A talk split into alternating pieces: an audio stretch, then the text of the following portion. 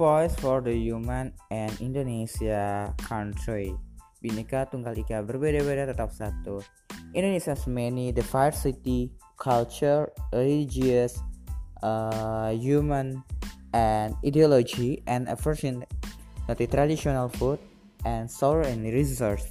I mentioned naturally tourism way, so education, so anything and different so architecture and problem solving and problem culture and so just a leader heart